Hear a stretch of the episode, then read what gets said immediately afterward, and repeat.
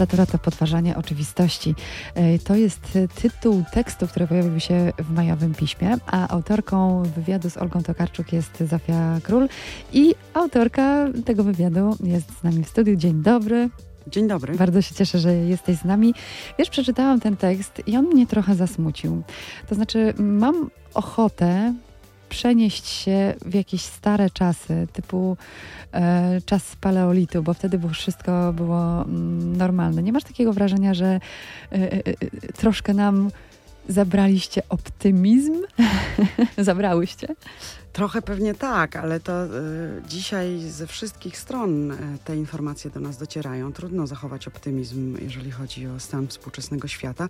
Wbrew pozorom, mnie się zdaje, że ta wizja Olgi Tokarczuk nie jest taka bardzo pesymistyczna. Ja ją w pewnym momencie zapytałam o to, czy Mm, e, czy ona widzi jakąś nadzieję, żeby ten przełom sensownie przetrwać. I wbrew pozorom jej wizja nie jest wizją apokaliptyczną. Ona nie widzi absolutnego upadku ludzkości i zagłady ziemi, jak, mhm. jak wielu i wiele autorek i autorów. E, Olga Tokarczuk po prostu zwraca uwagę na to, że żyjemy w czasach przełomu, gigantycznego przełomu. Być może nie dostrzegamy jeszcze jego granic. Pisarze i pisarki są tymi, którzy te granice już widzą, tym szóstym czy siódmym zmysłem. E, ona porównuje to do przełomu właśnie e, paleolitu w neolit, e, mhm. kiedy zbieracze i myśliwi musieli stać się rolnikami. I mówi o tym, że to w pewnym sensie była apokalipsa dla tych, którzy zajmowali się czymś zupełnie innym wcześniej i dla nas teraz też tak będzie. Mhm. Ten świat, który nam się zdaje tak otwarty i tak, tak przyjemny do podróżowania, do zwiedzania, do próbowania nowych smaków i doświadczeń, e, się coraz bardziej zamyka. Żeby rozsądnie dzisiaj żyć, trzeba troszkę się uskromnić. Przestraszyła cię ta wizja apokaliptyczna, prawda? Bo y, y, troszkę podważyłaś to, co powiedziała Olga Tokarczuk y, i mając nadzieję, że każdy, każde pokolenie od wielu, wielu tysięcy lat ma swoją apokalipsę, małą apokalipsę. E, tak, ale Olga Tokarczuk twierdzi, że czasy, w których jesteśmy w tej chwili są jednak szczególne.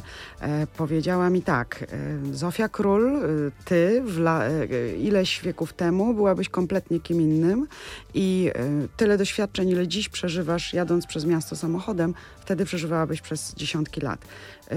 bardzo się upierała przy tej wizji przy tej wizji różnicy między nami a innymi pokoleniami, które mogły myśleć o tym, że żyją w czasach przełomu.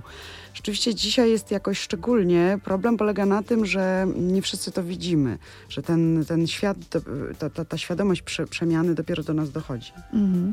Zastanawiam się, jaką rolę mm, w naszym życiu, w tym przełomie odegra literatura, ale o tym za chwilę. Dobrze ci się rozmawiało z Olgą Tokarczuk. Ona jest w pewnym sensie wizjonerką, więc za nią trzeba trochę szybciej podążać, jak myślę. Świetnie nam się rozmawiało. Rozmawiałyśmy kilka godzin, bardzo wiele myśli i e, zdań weszło do tego wywiadu, ale ta rozmowa ma kilka momentów bardzo mocnych, które na zawsze zapamiętam.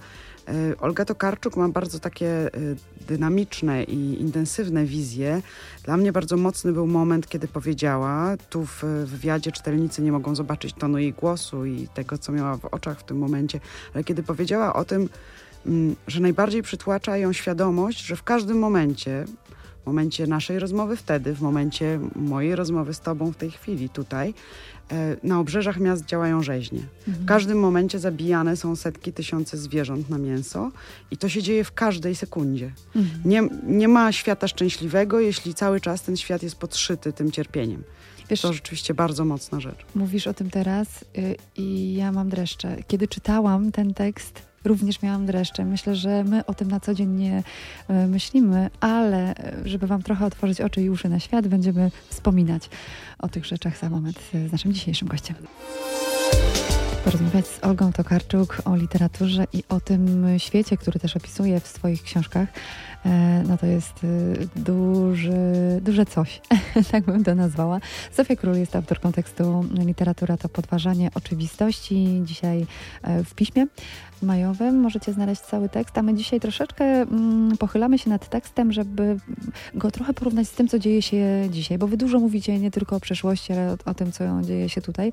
Wspomniałaś o jednym z momentów, które są mm, takimi momentami, które to właśnie utkwią w pamięci czytelnika. Wspomniałaś o rzeźniach, yy, a są jeszcze inne momenty, które przykuwają cię jeszcze bardziej do tego tekstu, bo ja, ja, nie mogłam oderwać oczu generalnie, więc myślę, że cały tekst jest tak skonstruowany, że, żeby od niego nie odchodzić. Ale... Y, zdaje mi się, że ważne w takiej wielowarstwowej opowieści jest to, żeby z jednej strony opowiedzieć o tych bardzo głębokich problemach, a z drugiej strony odbijać się od tego w takie konkrety, w opowieści z codzienności.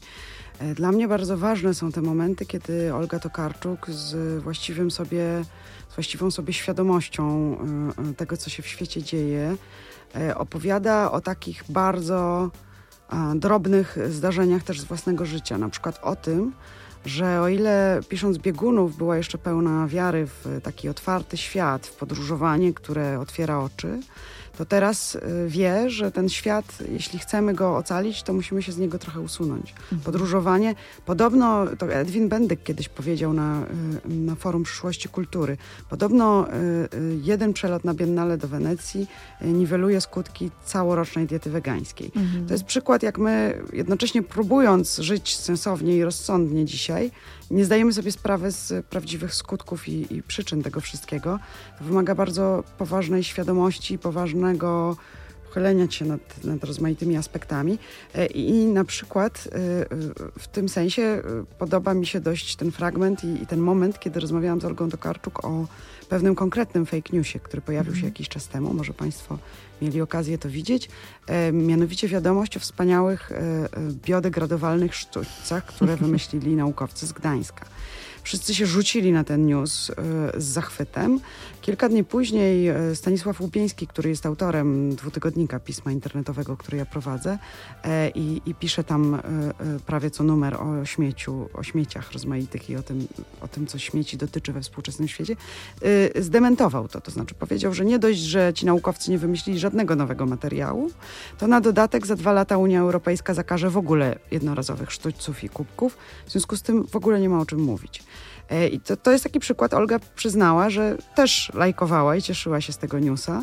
I rozmawiałyśmy później o tym, jak dziś świadomie rozmawiać w ogóle o sprawach klimatu, o sprawach o sprawach y, y, ekologii, o tym, co powinniśmy w naszych życiach zmienić, skoro nawet my, jako osoby, zdawałoby się świadome, zdawałoby się czytające, nie umiemy rozróżnić podstawowej prawdy od podstawowego fałszu. No właśnie, to też y, bardzo ciekawy wątek waszej rozmowy, bo ja przyznam szczerze, że też mam kłopot z rozpoznaniem fake newsów i nawet to, o czym mówiłyście, ten przykład, który podałyście, też mnie dotknął jak, do żywego, bo nie pomyślałam o tym, że przecież y, za dwa lata już będziemy musieli zrezygnować ze wszystkiego, co jest y, plastikowe i te jednorazowe naczynia y, w zasadzie nie potrzebują zastępstwa kolejnych jednorazowych biodegradowalnych. To nawet nie był fake news, bo chyba wiadomość była prawdziwa, tylko to był przykład takiego szumu informacyjnego polegającego na tym, że my zbiorowo wpadamy w takie szały zachwytu, albo rozpaczy. Y, często nie ma w tym za wiele myśli. Będziemy wyjaśniać tytuł,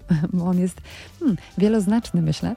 Ale zanim to wróćmy jeszcze do tych czasów, kiedy wszystko było jakby prostsze e, i mniej czasu poświęcaliśmy na to, żeby więcej mieć, e, a, byliśmy, a poświęcaliśmy ten czas, żeby bardziej być. E, to te sławetne skarpetki, o których piszecie, cerowane pięknie. E, tak, Olga Tokarczuk odwołuje się do takiej opowieści Andersena o imbryku wyrzuconym na śmietnik, który nie rozumie, dlaczego go to spotkało żali się filiżankom. E, I mm, Olga Tokarczuk opowiada, to jest zresztą świat, który znamy dobrze z jej literatury. Jeśli jesteśmy uważnymi czytelnikami literatury Olgi Tokarczuk, to to wszystko jakoś nam jest znane, ale bardzo dobrze to usłyszeć bezpośrednio od autorki i przeczytać. E, to jest taka wizja, w której mm, mm, Olga Tokarczuk ma nadzieję, że uda nam się trochę wrócić do takiego świata, w którym i przedmioty, i zwierzęta, e, i rośliny, i ludzie będą na tych samych prawach. Mhm. Podobno jakiś czas temu wprowadzono byt e, prawny dla rzek w, bodajże w Islandii.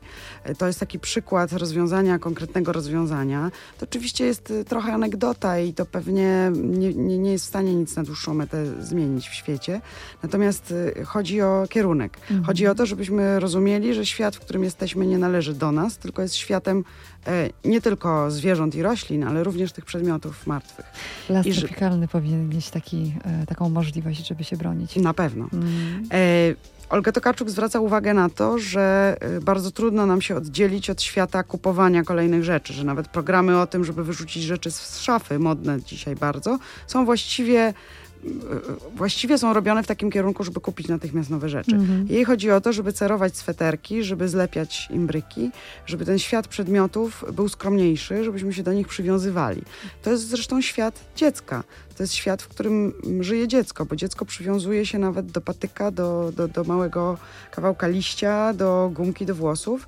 E, Oldze Tokarczuk trochę chodzi o to, żebyśmy umieli tak żyć. To znaczy, żeby nam łatwiej było porzucić świat, w którym bez przerwy wszystko zmieniamy i kupujemy, to musimy spróbować przywiązać się do najmniejszych przedmiotów i jakoś żyć z nimi w takiej symbiozie. Hmm. Literatura może w tym pomóc, bo może nam przypomnieć i przypomina też między innymi poprzez y, wyobraźnię y, i y, umiejętność tworzenia pięknego tekstu Olgi Tokarczuk. Hmm, I tak sobie pomyślałam, że to jest dobry moment, żeby wyjaśnić tytuł hmm, twojego artykułu, a w zasadzie wywiadu. Literatura to podważanie oczywistości. Jak coś jest oczywiste, to znaczy, że powinniśmy wejść głębiej? O co chodzi w tym tytule? Jasne, chodzi przede wszystkim o to, że e, dobra, ważna literatura jest także po to, żeby brać nasze codzienne banały, których mamy tysiące i w głowach, i wokół siebie, i je podważać, odwracać do góry nogami, pokazywać, że świat nie musi wyglądać tak, może wyglądać zupełnie inaczej, pokazywać tę wizję zupełnie odwrotną niż ta, w której żyjemy na co dzień. E, Olga Tokarczuk, jak sama mówi, od lat bierze na warsztat oczywistości i próbuje je podważyć słowami, literaturą. To jest jedna z ról literatury, bardzo według niej e, ważna dzisiaj, kiedy właśnie podważanie oczywistości musi stać się naszą podstawową sprawą, podstawowym zadaniem, jeżeli chcemy świat jakoś odmieniać. Internety i te współczesne wszystkie smartfony, Instagramy, media społecznościowe, Facebook i inne historie trochę nas zabijają taką chęć powrotu do e, słowa pisanego. Mówię nie o wszystkich, bo oczywiście nie chodzi o generalizowanie, ale zastanawiam się nad tym, jak, um, jaka jest rola literatury w tym życiu współczesnego człowieka, który gdzieś ciągle biegnie 的空气。Literatura to też nie jest jedna rzecz. Literatury jest bardzo wiele i ról literatury może być bardzo wiele. Ja bym uważała z takim e, przeciwstawianiem literatury, tej e, długiej i pełnej namysłu sztuki, e, szybkiemu Facebookowi, Instagramowi. To nie jest tak, że to są rzeczy do siebie opozycyjne. Dobra literatura może powstawać na Facebooku, Facebook może być e, e, e, narzędziem szukania dobrej literatury. literatura też bywa pośpieszna i też czasem. To, myślę, że mm, zwłaszcza po tych ostatnich badaniach czytelnictwa, za każdym razem, kiedy pojawiają się nowe badania czytelnictwa, wszyscy potwornie marudzą, że oto żyjemy w jakiejś potwornej apokalipsie i teraz już nikt nie czyta, tylko wszyscy te Facebooki. To jest fałszywy, fałszywy problem. E, jeżeli uczyłabym dzieci w szkole podstawowej albo w liceum literatury, zaczęłabym chyba od tego, e, żeby z, wspólnie z nimi tworzyć facebookowe posty. To znaczy, mhm. żeby zrozumieli, że e, jeżeli piszą o swoim śniadaniu i o parówkach, które zjedli, albo jajecznicy, którą zjedli tego dnia na śniadanie, to też piszą literaturę, bo starają się, żeby to było krótkie, żeby było zabawne. To jest robienie słów. Mhm. A role literatury mogą być bardzo różne. Od roli zupełnie rozrywkowej, po prostu odcięcia się dla kogoś, kto dużo pracuje. Literatura może być po prostu rozrywką i wieczorne czytanie książki może być rozrywką, czy wyciszeniem, czy czymkolwiek e, e, podobnym. Ale jeżeli mówimy o książkach Olgi Tokarczuk i o tym temacie, mm, o, którym z nią rozmawiałam w, wywiadzie w majowym piśmie, to mówimy o roli literatury zupełnie innej, mianowicie takiej, żeby właśnie podważać oczywistości, -hmm. czyli żeby brać na warsztat te banały, które my na co dzień e, mamy i którymi żyjemy, odwracać je do góry nogami i pokazywać ich fałsz. Po to, żeby móc zobaczyć, że może być też inny świat, że w innym świecie możemy Zamiast y, porzucać i wyrzucać wszystkie rzeczy, to możemy cerować skarpetki i zlepiać te imbryczki, żeby zrozumieć, że y, warto przyglądać się światu takiemu, y, który jest w symbiozie przedmiotów, ludzi, zwierząt, roślin i tak dalej, że warto zobaczyć te inne pierwiastki. Mhm. Zastanawiałam się nad kondycją polskiej literatury, trochę o niej powiedziałaś, ale na tle e, tej literatury e, światowej, ogólnoświatowej. Jak my wyglądamy? Jest chyba nieźle. W tej chwili nie jest najgorzej. Ja jestem jurorką w dwóch e, takich gronach oceniających debiuty. To jest bardzo, to, to, to jest e, nagroda e, imienia Gombrowicza i mm. nagroda Konrada. E, to jest bardzo ciekawe, bo mogę widzieć ten świat literatury, która dopiero powstaje. I mnie się zdaje, że naprawdę nie jest źle. Wciąż jest bardzo dużo literatury eksperymentalnej, tej, która właśnie próbuje wychodzić poza oczywistości, także oczywistości językowe. Mhm. Olga Tokarczuk tak. w tym wywiadzie, o którym Też rozmawiamy. Mhm. wspomina także o tym, że szukanie nowego świata wymaga szukania nowego języka. Proponuje y, y, namysł nad tym, jakich języków, jakich słów używamy na co dzień.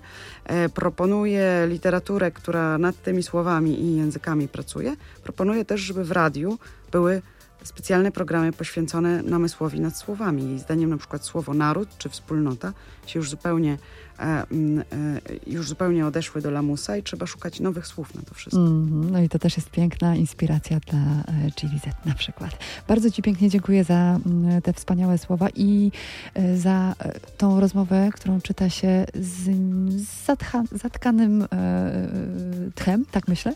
Mm, Zofia Król, autorka tekstu Literatura to podważanie oczywistości. Odsyłamy Was. Bardzo dziękuję. Do pisma. Dziękuję.